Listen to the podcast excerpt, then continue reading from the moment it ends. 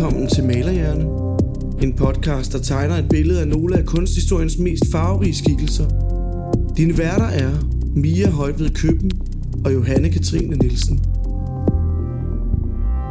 I kan følge med i kunstværkerne på vores Facebook-side facebook.com-malerhjernepodcast eller på Instagram malerhjerne underscore podcast.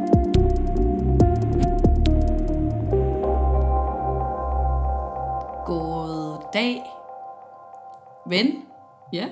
og lyttere og alle. Det var en dårlig intro. Vi har lige sidste gang reklameret med, at nu skal vi blive fede på introer. Ja, det kommer ikke til at ske åbenbart. Det var ikke i dag. Nej. Så det er godt, vi har Jesper Ole til at give en god, øh, rigtig god introduktion i starten. Det er rigtigt. Ja. Vi, øh, der bliver ikke så meget pis i dag. Nej, Traditionen tro er det sent. altid. Altid. Sommertid har ikke rykket på en fis. Mm-mm. Det er stadig mørkt nu. Ja, det har nok noget at gøre med, hvornår vi begynder at optage. Ja. Travle mennesker. På et eller andet tidspunkt, der skal solen jo gå ned. Desværre. Skal vi, skal vi gå i gang? Vi går bare i gang. Ja. I dag der skal vi tale om en dejlig dame. Rigtig dejlig dame.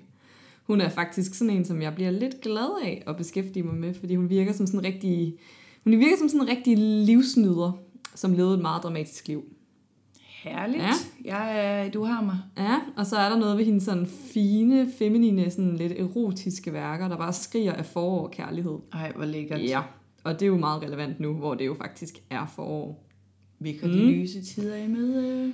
Hun er endnu en af de danske kvinder, der har været mere eller mindre glemt i sin eftertid, men som de seneste 20 år er kommet lidt frem i lyset igen, heldigvis. Øh, og det er ikke mindst på grund af hendes kunst, øh, og at hendes historie generelt indeholder temaer, der er sådan meget aktuelle og relevante i dag. Øh, men også fordi, at der for et par år siden blev lavet sådan en kæmpe Hollywood-basker med Eddie Redmayne i hovedrollen, øh, som fik aktualiseret øh, hende her kunstneren igen. Og det skal jeg nok Alright. komme lidt mere ind på senere. Jeg snører mig ind Ja, på et spor. Jeg taler, jeg taler selvfølgelig om den danske kunstner Gerda Wehner, Ej, hvor er det godt.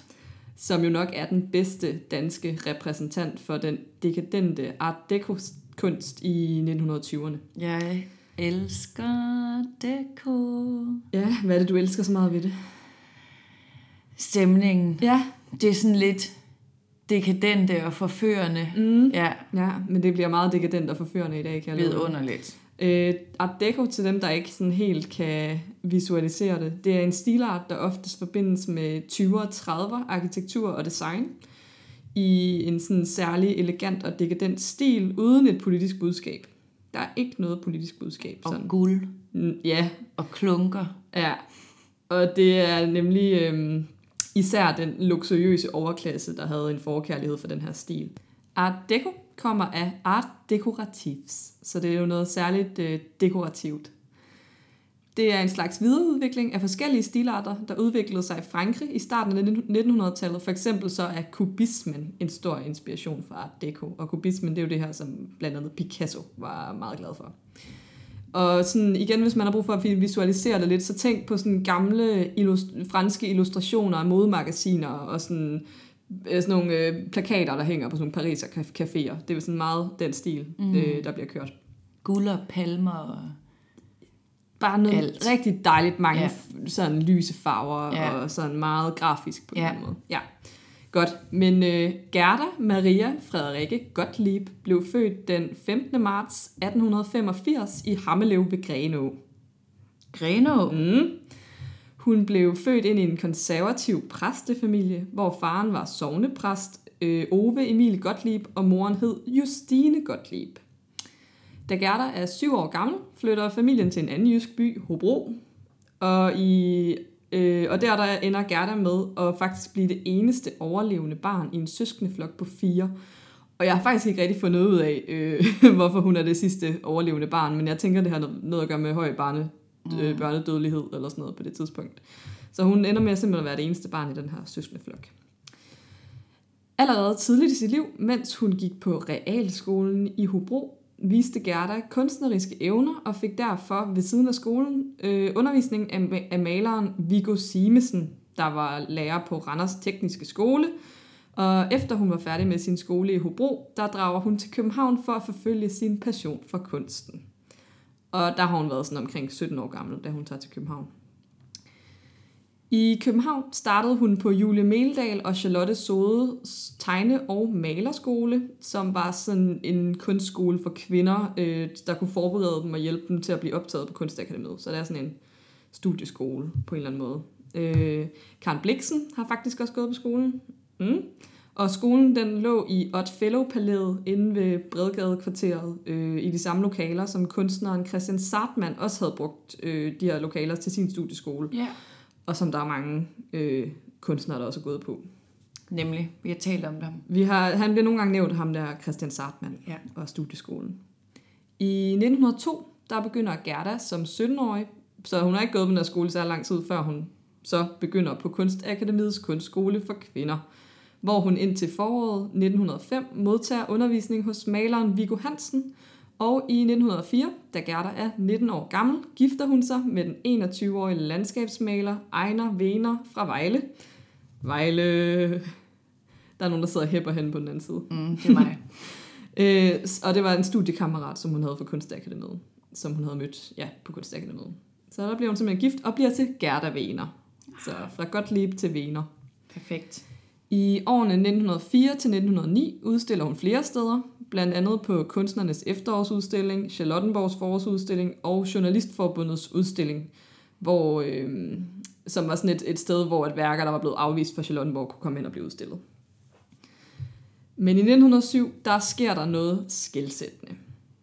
Der, det er som om, der altid er sådan et, et eller andet tidspunkt i folks liv, hvor der sker noget skældsættende. Og det betyder simpelthen, at Gerda Wigner kommer i det offentlige søgelys, og for alvor bliver berømt i Danmark.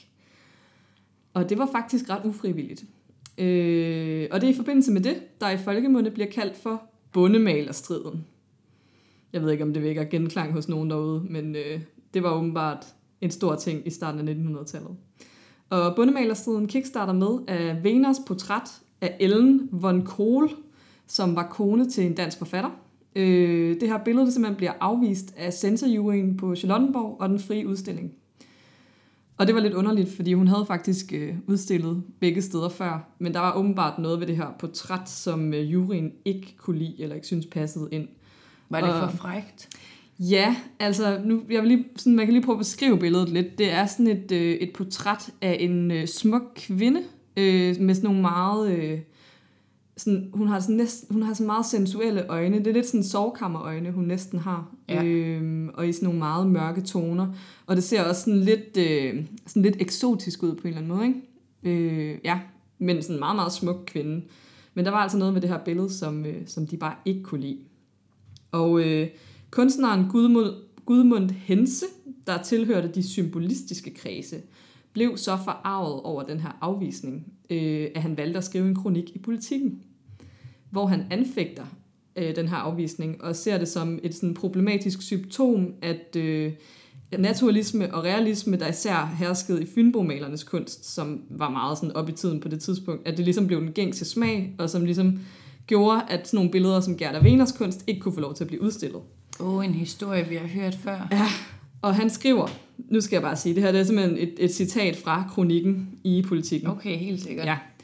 Et dygtigt og alvorligt arbejde af en ung kunstnerinde, fru Gerda Wener, er blevet hensynsløst afvist fra Charlottenborg-udstillingen censur, og derefter stemt ud af den frie udstillings fast sammenbrændte klump af bundemalere. Ja, så her er bundemalerstriden. Han kalder simpelthen øh, de her fynboer for bundemalere. Og det betød, at der igennem foråret og sommeren 1907, altså i politikken, var den her fejde, som man også godt kan kalde den, eller strid, øh, der egentlig var sådan en slags kamp om, hvilken, hvilke kunstneriske stilarter, der skulle være plads til på de her store udstillinger. Øh, ham her, Gudmund Hense, og malerægteparet Harald og Agnes Slot Møller stod på den ene side og forsvarede den her dekorative, øh, forfinede hovedstadskunst, som øh, Gerda Vena øh, repræsenterede, og fynboerne øh, stod på den anden side sammen med kunsthistorikeren Karl Madsen. Øh, så der var ligesom den her kamp. Og fynboerne, de var sådan lidt mere inspireret af de franske impressionister, og mente, at man skulle skildre sådan den synlige virkelighed, imens de andre havde lidt mere sådan tendens til at ja, skildre det forfinede og det dekorative. Øh, så det var sådan en kamp mellem stilarter, men det var også virkelig en kamp mellem by og land. Og det er jo lidt en kamp, man også kender lidt til i dag, på en eller anden måde. Øh, at der er nogen, der, der mener, at Radio 24 skal være i, i hovedstaden, og der er nogen, der mener, at den skal være på landet. Altså der, er- det er sådan en kamp, der har kørt i lang tid, åbenbart. Øh, og man kan på en måde godt sige, at øh, bundemalerne faktisk vandt. Fordi både Gudmund Hense og det her ægtepar, Slot Møller, blev efterfølgende virkelig sådan nogle personer non grata i øh, kunstkredse. Okay. Altså, især det her ægtepar, de blev sådan fuldstændig udstødt af, af de kunstneriske kredse. Det er farligt at gå imod. Det er det nemlig. Øh, og, det, altså sådan, og Gerda Wegener, hun var sådan meget ufrivilligt en del af det her, øh, fordi det var hendes portræt, det startede med. Men hun deltog aldrig nogensinde selv aktivt i debatten. Det er jo sjovt. Ja, det var virkelig sådan en, øh, sådan en, en ting, der kørte på andre folks Ja. vegne i politikken. Øh, ja. Det endte dog med, at hendes værk blev udstillet, men det blev så i den københavnske kunsthandel, der hed Winkel og Magnussen. Og deraf der fik hun altså sin, øh, sin ber- berømmelse, eller hvad man siger. Der kickstartede det. Der kickstartede det. Så det var måske meget godt for hende i virkeligheden. I 1908, altså året efter bundemalerstriden, vinder hun politikens tegnekonkurrence, hvor opgaven var at skildre københavnerinden. Altså sådan en slags stereotyp øh, udgave af, hvordan en københavnerinde ser ud, forestiller jeg mig lidt. Øh, derefter der bliver hun fast tilknyttet til avisen som fast bidragsyder. Øh, hun får også flere tegneopgaver fra andre blade øh, med sig, og i en lang årrække leverer hun satiriske tegninger til blandt andet Klodshans, der var sådan et øh, politisk satirisk blad. Sådan, ja. ja der, der var flere sådan nogle øh, politisk satiriske magasiner dengang. Mm. Så lavede hun sådan nogle fine små satiriske tegninger til dem. Ej, sådan lidt ligesom øh, her nu, baben. Øh, det ved jeg ikke. Det, det, det vil jeg ikke udtale mig om. Måske. Okay. En Der er der også nogle lange ben. Ja, ja det, det er selvfølgelig rigtigt. Og satire, jeg ved ikke, om det er på et højt kunstnerisk niveau, men der sker der, der er der et satirisk input. Det er en kan være- tidsskrift. Ja, men det kan være, at man ved det om mange år, så lige pludselig så ser man det som høj kunst. Nej, det ved jeg ikke. Jeg skal ikke gøre mig til smagsdommer. Det var også en dårlig sag. Øh, de efterfølgende år, der har hun flere studierejser til Rom og Paris, og i 1911, der udstiller ægteparret Gerda og Ejner Wegener sammen i Ole Haslunds hus i København. Og det er et sted, hvor Gerda Wegener udstiller flere gange øh, igennem sådan ret lang tid, både med sine øh, sådan malerier, men også med de her satiriske tegninger. I 1912, der sker der det, det er jo lige starten af 1. verdenskrig, der sker der det, at øh, det toneangivende engelske tidsskrift The Studio gengiver en tegning af Vener og omtaler hendes kunst, hvilket giver hende mod på sådan en international karriere, ikke? fordi nu er hun ligesom blevet omtalt i det her vigtige engelske magasin. Så hende og ægtefælden Ejner bosætter sig i, derfor i Paris, der er jo på det her tidspunkt er sådan en kæmpe kunstmetropol, øh, hvor at folk de nærmest valgfartede til i starten af 1900-tallet, og på mange måder lidt var sådan et fristed, hvor folk kunne folde sig ud på alle mulige måder. Øh, til at starte med leger parret nogle forskellige værelser rundt omkring i Paris, blandt andet det værelse, som Oscar Wilde levede sine sidste dage i nogle år tidligere. Han døde nemlig han døde lige præcis i år 1900, Nå, hvor han simpelthen boede. fun fact. Yes. I de kommende år, der bliver Gerda en af de førende sat- satiretegnere for tidsskrifter såsom La Bayonette, Fantasio og Le Rire. Øh, ligesom opgaver som bogillustrator og reklametegner og illustrator for vel- velrenommerede øh, sådan nogle modemagasiner, øh, bliver nogle ret gode indtægtskilder for hende. Og ja, hvis man stadig ikke kan forestille sig Art Deco-stilen, så vil jeg virkelig sådan lige igen tænke på de her sådan gamle modemagasiner, franske modeblade. Lange ben. Præcis. Øhm, fra 1917, der har Venerparet på grund af Gerdas succes råd til at bosætte sig på en af de rigtig gode adresser i Paris, øhm, lige ved Eiffeltårnet, med eget, eget atelier. Og øh, om sommeren, der leger de en bolig i Versailles. Selvfølgelig. Ja, Som man gør. så de har det rigtig dejligt. Hun tjener masser af penge. Ej, det lyder seriøst som the dream. Det gør det nemlig. Det lyder så dejligt. At få så et koldt glas vin. Har sit eget atelier lige ved Eiffeltårnet. Ja, hvorfor ikke? Mm. Gennem mange år udstiller øh, Gerda Wegener næsten årligt på nogle af de mest prominente fællesudstillinger i Paris. Altså mange, de her traditionsrige salonger, alle sammen nærmest udstiller hun på, øh, som folk jo ellers kun drømmer om at udstille på. Øh, hun deltager også i kunstindustriudstillinger og på den store verdensudstilling Exposition, International de Art Decoratifs et Industriels Moderne. For fanden, Johanne. har du været på YouTube, eller har du taget øh, studie øh. tilvalg på fransk? Nej, Du er bare ved at være der. det er der nok nogle fransk kyndige, der vil mene, at det var jeg overhovedet ikke, men øh, I det min- gælder jo om at prøve. Mine utrænede ører, der lyder du flydende. Ah, det var godt. Ja. Øh, og det er altså i 1925, hun udstiller på den her øh, store verdensudstilling i den franske afdeling, hvor hun øh, belønnes med Nå. en bronzemedalje Au. og to guldmedaljer for sine glasmosaikdesigns og sine bogillustrationer. Hun er simpelthen også en øh, kvinde af mange... Øh, Hun har virkelig bevæget sig ud i mange forskellige øh, genrer, Ja. ja. eller hvad man siger, håndværk. Øh, så det, det var også derfor, hun både kunne udstille på alle salongerne, men også alle de her sådan, kunstindustriudstillinger og sådan noget. I 1921 er hun desuden repræsenteret på en Louvre-udstilling med fransk tegnekunst, og hun udstiller sammen med sin ægtefælle øh, på Galleri Bernheim. hvorfor går hun under fransk? Altså, hvorfor er hun udstillet under det franske? Fordi hun bor der? Eller? Ja, fordi hun bor der. Ja, det må sådan set bare være det, tror jeg. Ja. ja Men, vil, men hun vil ikke ende i en øh, fransk øh, udstilling, eller med fransk tema i nu, for eksempel. Jo, men det kan da godt være. Hendes vil billeder der fra den tid. Altså, de er jo også de er meget franske, Ja. skal du tænke på. Det er jo meget det der franske, den franske stil, som hun maler, som hun jo tydeligvis ikke rigtig kunne få lov til i Danmark. Men det er jo bare interessant, fordi hun må have et, så et større tilhørsforhold. Det har hun uden tvivl, ja. og det har hun faktisk stadigvæk. Okay. Ja, som og det, skal, det nævner jeg faktisk øh, til sidst i det her oplæg, men jeg kan sige så meget, at øh, der er altså nogle meget fine steder i Frankrig, der har øh, Gerda Wiener tegninger, som man ikke har i Danmark, eller værker. Ja. Øh, nogle, af de her, nogle af deres somre, ud når de ikke er i Versailles, så tilbringer de også deres somre i sådan en kunstnerkoloni i byen øh, Beaugency, lidt syd for Paris, hvor de også begge to maler meget. Og det er også sådan et sted, hvor at, øh, Rudolf Tegner og hans kone holdt til øh, sådan om sommeren. Ej, hvor fedt. Så hun var, hun var rigtig gode veninder med Elna Tegner, som var Rudolf Tegners øh, kone. Optur. Og der, man kan faktisk også finde øh, fotografier af dem rundt omkring, hvis man har lyst. Ja. I den her periode, der køber den fran- franske stat faktisk tre Gerda Wiener-værker. Den franske stat. Vildt nok. Ja, Men også vildt nok, fordi hun bare ikke bliver anerkendt i Danmark. ja hun bliver i hvert fald afvist Ja. af, af diverse udstillinger, eller Mm. en udstilling. Øhm, så det er jo fedt. Hun kan komme derned og blive sådan lidt mere embraced. ja, det er derfor nice. Ja. Øh, de køber et værk, der hedder Dame med anemone, og nogle portrætter af Lili, hedder de. Og så værket Hvilestunden. Så det er sådan tre værker, de køber. Hun bliver en meget efterspurgt portrætmaler i Paris' mondæne kredse, og hun arbejder meget øh, med alle mulige andre ting. For eksempel sådan nogle figurer og blomsterkompositioner og glasudsmykninger til sådan nogle øh, moderigtige forretninger og rigmandshjem. Så hun var sådan meget alsidig kunstner, der bevægede sig i de her velhavende, sådan dekadente kredse.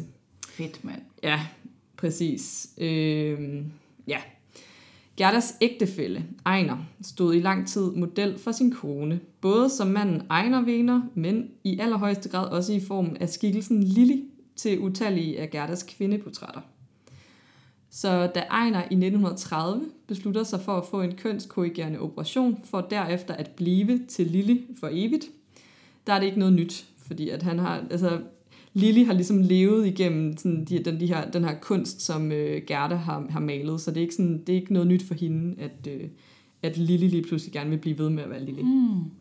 Det siges faktisk også, at en af årsagerne til, at parret flyttede til Paris i sin tid, øh, faktisk også var fordi, at der var bedre muligheder for Ejner, øh, altså for, for at leve som Lili mm. øh, i Paris, og Gerda, der også havde en forkærlighed for kvinder, kunne sådan leve frit som lesbisk eller biseksuel. Så de Ja. havde sådan meget øh, ja, sådan åben tilgang til alt det her. Øh, og det, det kunne de simpelthen få lov til at udleve nede i Paris, som var lidt mere ja, åben over for alternative parforhold på det tidspunkt. I den tid øh, under 1. verdenskrig var mange mænd også ved fronten, og derfor var det egentlig på mange måder kvinder, der styrede samfundet. Så det er måske også en af grundene til, at der har været lidt mere plads til lidt kvindekærlighed dernede. Lili har sin øh, hustrus fuldstændig opbakning, og i 1930 der får hun som en af de første nogensinde, hvis ikke den første faktisk, en kønskorrigerende operation, som Gerda støtter fuldt ud. da Lili efterfølgende er både fysisk og juridisk blevet til en kvinde, og registreret under navnet Lili Ilse Elvenes, bedre kendt som Lili Elbe, der opløser den danske konge Christian 10. deres ægteskab. Fordi det måtte man altså ikke i Danmark. Så efter den her øh, operation, der kan de ikke længere være gift. Specielt på grund af det her spektakulære forhold, fyldt med kærlighed og forståelse, giver det øh, lige en ekstra kant til, til Gerda Wegners værker, når man sådan kigger på dem, fordi når man kigger på dem først, så ligner det meget sådan nogle meget idylliserede skildringer, nogle meget, meget smukke kvinder og en masse blomster og farver og kvinder, der ryger cigaretter og har det rigtig dejligt. Men når man sådan tænker over historien, så kommer der lige sådan en ekstra kant til det, at mange af dem, øh, mange, eller tit så kvinden på de her værker, faktisk Lili, som startede ud med at være Ejner Wegner. Så det synes jeg er meget, meget fint. De er også, sådan, hun har også lavet flere portrætter, hvor de begge to er skildret på billederne som, som kvinder. Ikke? I 1931, der udstiller Venerparet sammen for sidste gang igen i Ole Haslunds hus, som de har udstillet i mange gange. I den forbindelse, der giver Lili Elbe et interview til Politiken, hvor hun fortæller, og det her det er virkelig rørende, at Ejner Wener frivilligt har udslettet sig selv for at give plads til en anden, som han mente havde større ret til at eksistere end ham selv. Ejner Wener er ikke mere, og derfor kan han heller ikke male mere. Så der stopper Ejner Wener også med at lave kunst. Mm. Og forbliver simpelthen øh, Lille Elbe.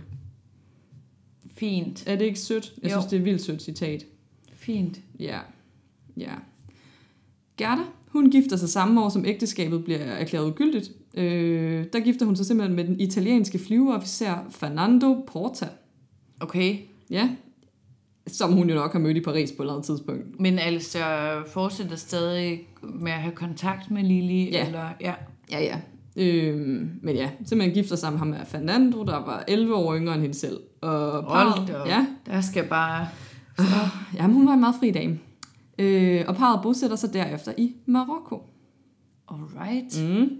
Først så er de i Mar- Marrakesh, og senere hen i Casablanca, hvor hun også skildrer de her sådan, marokkanske kvinder, som hun også beundrer rigtig meget for, det, for deres sådan, eksotiske udstråling. Der er nogle ret fine, nogle ret fine værker af de her øh, sådan, marokkanske kvinder. Og hun laver også flere portrætter af sin italienske ægtemand. Men øh, kort tid efter, at, øh, ja, at de er blevet gift, der dør Lili i Dresden i Tyskland den øh, 13. september 1931, som følger af komplikationer efter den sidste af operationerne, som vist nok gik ud på, at hun ville have en livmor, Alright. fordi hun ville være i stand til at kunne føde børn. Øhm, og den gik altså galt, og hun døde simpelthen efter, altså som komplikationer efter den her øh, operation. Og hun er faktisk begravet i Dresden. Så hvis man nogensinde vil besøge Lille Elbes grav, så skal man smutte til Tyskland. Øhm, og generelt, hvis man vil vide mere om hende her Lille Elbe, som jo er en meget interessant person, øh, så kan man læse hendes bog fra 1931, som hedder Fra mand til kvinde, Lille Elbes bekendelser. Og det er vist nok sådan en slags... Det er ikke sådan en... Øh, en, en, en sådan øh, autobiografisk bog. Det er mere sådan en øh, fiktionsroman over Lillis eget liv. Okay. Så det kan man jo læse, hvis man har lyst til det. Efter at Gerda er flyttet væk fra Europa, flyttet til Marokko, begynder hun i midten af 30'erne også at føle sig sådan afskåret fra den europæiske kunstscene, hvor hun jo ellers har været anerkendt rigtig meget. Og nok lidt på grund af den her frustration og manglende succes, der bliver hun i 1936 skilt igen fra den øh, italienske flyveofficer. Efterfølgende så tager hun lige et par år i, i Italien og Frankrig, lige sådan shuffler lidt, og derefter så flytter hun helt ubemærket tilbage til København i 1938, hvor hun bosætter sig på et lejet værelse på Vesterbrogade. Okay. Mm. Så hun går altså fra at have en rimelig eksklusiv tilværelse til simpelthen at bo til leje på et værelse på Vesterbro. Det er bare goals. Jeg ved ikke, hvor sjov Vesterbro har været i sådan 1930'erne. Jeg tror ikke, det var lige så fint som, øh, som det er i dag. Der var nok færre jyder. Men Gerda Wiener var en af dem. Gud, ja. Ja, Se, hvilken forgangskvinde. rigtig forgangskvinde. I- Hun havde sin sidste udstilling i 1939, men til den tid, der var hendes sådan, dekadente stil, som hun arbejdede med, ikke længere moderne. Og hendes værker var mere eller mindre sådan, eller det var ikke rigtig noget, der sådan længere passede ind i tidens øh, kunst- kunsttrends, der på det her tidspunkt øh, er sådan meget påvirket af funktionalismen, øh, som er den her designretning, hvor alt skal være funktionelt. Og der passede det altså ikke ind at have en masse sådan overflødig dekorativ kunst, som lidt var det, som Gerda Wiener stod for. Så der var ikke meget succes med den her sidste udstilling. Der var, løbet var kørt for hende. Så den øh, 20. juli 1940, 55 år gammel, der får hun et hjertestop og dør på Frederiksberg Hospital. Nå, for fanden. Mm. Øh, syg, fattig og ensom, Ej, har jeg læst. ej, jo, gud, nej. fraskilt, og Lili er død, og ja. Hold kæft, mand. På et kammer. Et tavligt kammer på Vesterbrogade. Nej, det var på Frederiksberg Hospital, hun døde. Nå ja. Ja. Men hun boede. Men hun boede i et tavligt kammer på Vesterbrogade. Hold kæft, Ja. mand. Gerda, hun bliver beskrevet som en stærk og meget åben kvinde, der ikke gjorde forskel på høj og lav. Så meget sådan, meget, ja, det er også, jeg synes, hun lyder som en rigtig dejlig dame. Hendes kunst øh, bliver, som jeg øh, måske, ja, har, måske har gjort lidt undervejs, den bliver tit sådan beskrevet som meget overfladisk, og som om den kun er til pynt. Men i virkeligheden så afspejler værkerne rigtig ofte nogle sådan dybere tematikker omkring det at være menneske, og det her med sådan identitetskriser, øh, kriser og sådan at finde ud af, hvem man er og så videre. Som jo nok også er noget af det, som man synes er meget relevant i dag. Det er sådan, hendes værker bliver også nogle gange sammenlignet lidt med sådan Instagram. Det er sådan den her, eller sådan den her forskyndelse. Altså det er sådan nogle, det er kun meget, meget, meget smukke mennesker, der er på Ja. værkerne. Ikke? Øh, de er virkelig sådan øh, meget, meget, meget fine. Men ja, de fortæller jo tit nogle historier om noget andet i virkeligheden. Men det er jo også ret interessant, det du talte om med, at, øhm, at man ligesom får en anden, et andet syn på værkerne efter, sådan man hører om Lillys mm. historie, at jeg tænker, at hvis øh, Gerda har øh, også haft seksuelle forhold til kvinder, for eksempel, mm. så giver det jo også et, et andet syn på sådan nogle af hendes kvindeportrætter, mm. at sådan de der sensuelle sovekammerøjne, du talte om, at det kunne også have en forklaring mm. i det, eller... Ja, og så også, øh, at sådan, det havde måske været noget andet, hvis det havde været en mand, der havde lavet en masse billeder af en masse forskønnede kvinder. Men mm. her der er der ligesom en eller anden... Det er en kvinde, som skildrer nogle kvinder, som hun egentlig også selv er tiltrukket af. Så det, det, Ja. det synes jeg bare er en meget fin øh, ja, Det er bare girl power. tilgang. Det er virkelig girl power. Øh, der var ingen danske museer, der erhvervede sig Gerda Wiener, mens hun levede. De, hun, der er simpelthen ikke nogen danske museer, der har købt noget af hendes kunst, på trods okay. af den ellers store sådan, succes og berømmelse, hun ja. opnåede i udlandet. Det gjorde Louvre jo til gengæld, øh, og en del private kunstsamlere, der heldigvis har bevaret hendes værker. Øh, og nogle af dem har vist fået snedet sig ind på for eksempel Designmuseum Danmark, hvor man også kan se dem. Så der, der er de kommet hen efterfølgende. Som originalværker eller Ja. plakater? Okay. Nej, som originalværker. Øh, også, ja, de har jo også den her store samling med sådan noget illustrativt bogkunst Ja, og sådan noget. nemlig. Ikke? Ja. Men størstedelen er virkelig hos øh, privatsamlere rundt omkring. Øh, der bliver sjældent skrevet meget om hende. Altså, der, hun bliver ikke særlig meget tit nævnt i øh, sådan udførligt i øh, værker om sådan dansk kunsthistorie og sådan noget, hvilket er lidt underligt, når man tænker på det der sådan meget øh, utraditionelle, dramatiske liv, hun levede, at folk ikke har syntes, hun var mere spændende Mm. også i forhold til, hvor berømt hun var. Øh, til gengæld så kom der ekstra, ekstra stort fokus på hende og ægtefælden i 2015, da Arken havde en stor, kæmpestor Gerda Wiener udstilling. Og så kom der også den her film, The Danish Girl. The Danish Girl. The Dan- Danish Girl, som jo er den her øh, Hollywood-film, der handler om øh, ja, Lili Elbe og Gerda Wiener. Den var vist ikke så god. Jeg har set den. Har du? Ja, jeg så den i biografen. Okay. Den var sådan meget Hollywood-agtig. Ja. Sluttede af med at vise Vejle Fjord, der bare var sådan en... Øh, ja, kæmpe det klippe. Den. Jeg tror, de har filmet den i Norge eller sådan noget. Ja, fordi det de, har de. Jeg tror, de tog til Vejlefjord og tænkte, det synes det er ikke flot nok til at have med Nej. på en film, så vi bliver nødt til at filme hen over nogle klipper. i Okay, og må jeg lige sige noget? Altså, Vejlefjord er jo. Mm. så smuk. Ja, men altså det synes uh, Ejner Wiener også. Han har jo lavet rigtig mange malerier af Vejlefjord. Jamen, det kan jeg godt forstå. Ja, 71.00 derude af. ja, ja. Så øh, man kan, ja, det ved jeg ikke. Jamen, det kan jeg godt huske. Ja. Det var jo helt grotesk. det var det. Altså, det gik jo lige... Det jeg godt sige, at det fik vejlænserne op af stolene. Jamen, altså, jeg sad i biografen, og folk de flækkede af grin i, i slutningen af filmen. Og jeg gad godt vide, om der har siddet en udlænding, der ikke, der ikke, altså, der ikke har Ja, ikke forstået, fattet hvorfor, noget. at, øh, hvorfor det var så sjovt. Gud. Altså, jeg ved ikke... Nå, den var måske på engelsk. Altså, jeg ved ingenting, faktisk. Altså, den er... Er den ja, på dansk eller engelsk? den er på engelsk. Okay, nå, men Ja. ja. så skulle jeg til at sige, at det var en spændende oplevelse at gå ind Ja. og se den, hvis Altså, den det er jo dansk. den store Eddie Redmayne, der spiller rollen som øh, Ejner og Lily i, øh, i filmen. Ja. Det Ja. havde fået noget kritik, havde det ikke det? Jo, det tror jeg. Jamen, der kan man bare høre, hvor... Ja. Øh, Ja, øh, så den kan man jo selv vælge, om man har lyst til at se.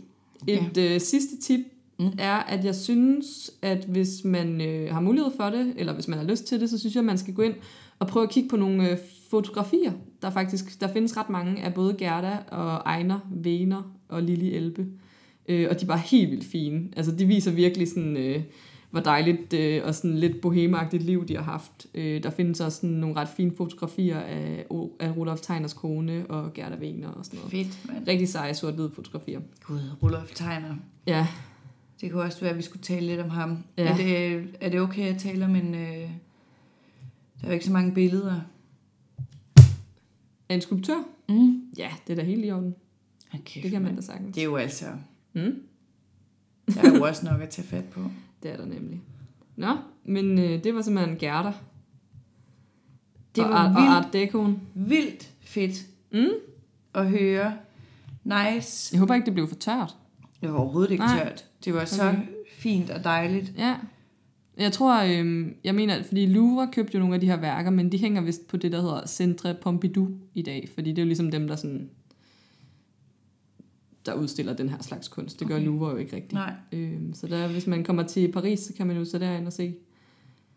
man skal stå tidligere, hvis man skal på museum i Paris. Ja, det skal man godt nok. Og vild, mand. Ja, Nogle der er altså køer. lang kø. Til gengæld så er der tit øh, gratis adgang til studerende. Så er det bare frem med studiekortet. Ja, Men det er jo simpelthen så forfærdeligt, fordi når det regner, så skal man bare stå fire timer i kø. og når der er solskin, så er der bare måske en time. ja, Så kan man stå der og blive solbrændt. ja. Så altså, man kan også bare låne en bog og kigge på billederne der, hvis man har lidt mere lyst til det. Det kan man.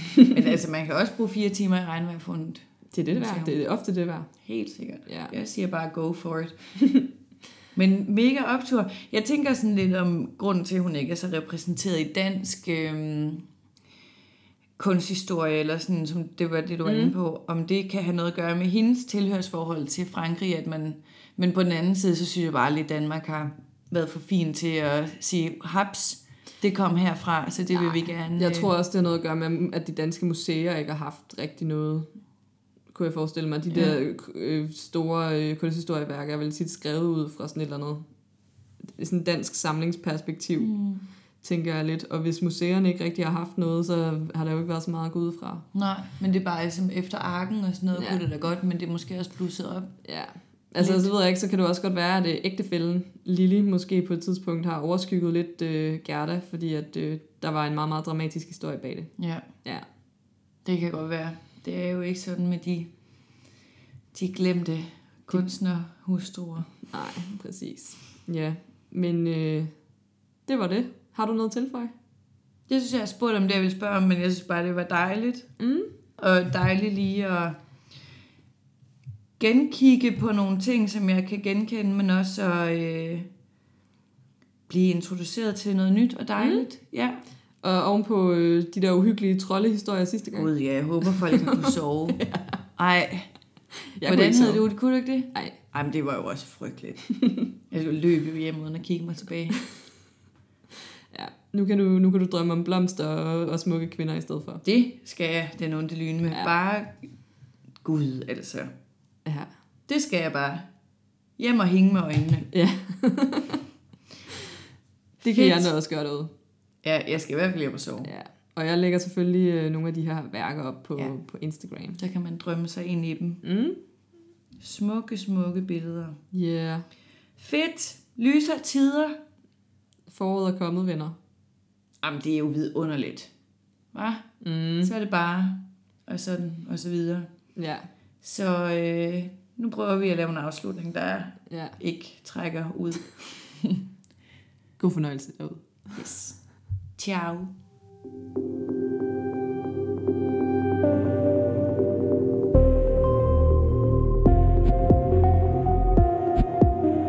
Du har lyttet til Malerhjerne. Podcasten er produceret af Kasper Rune Larsen.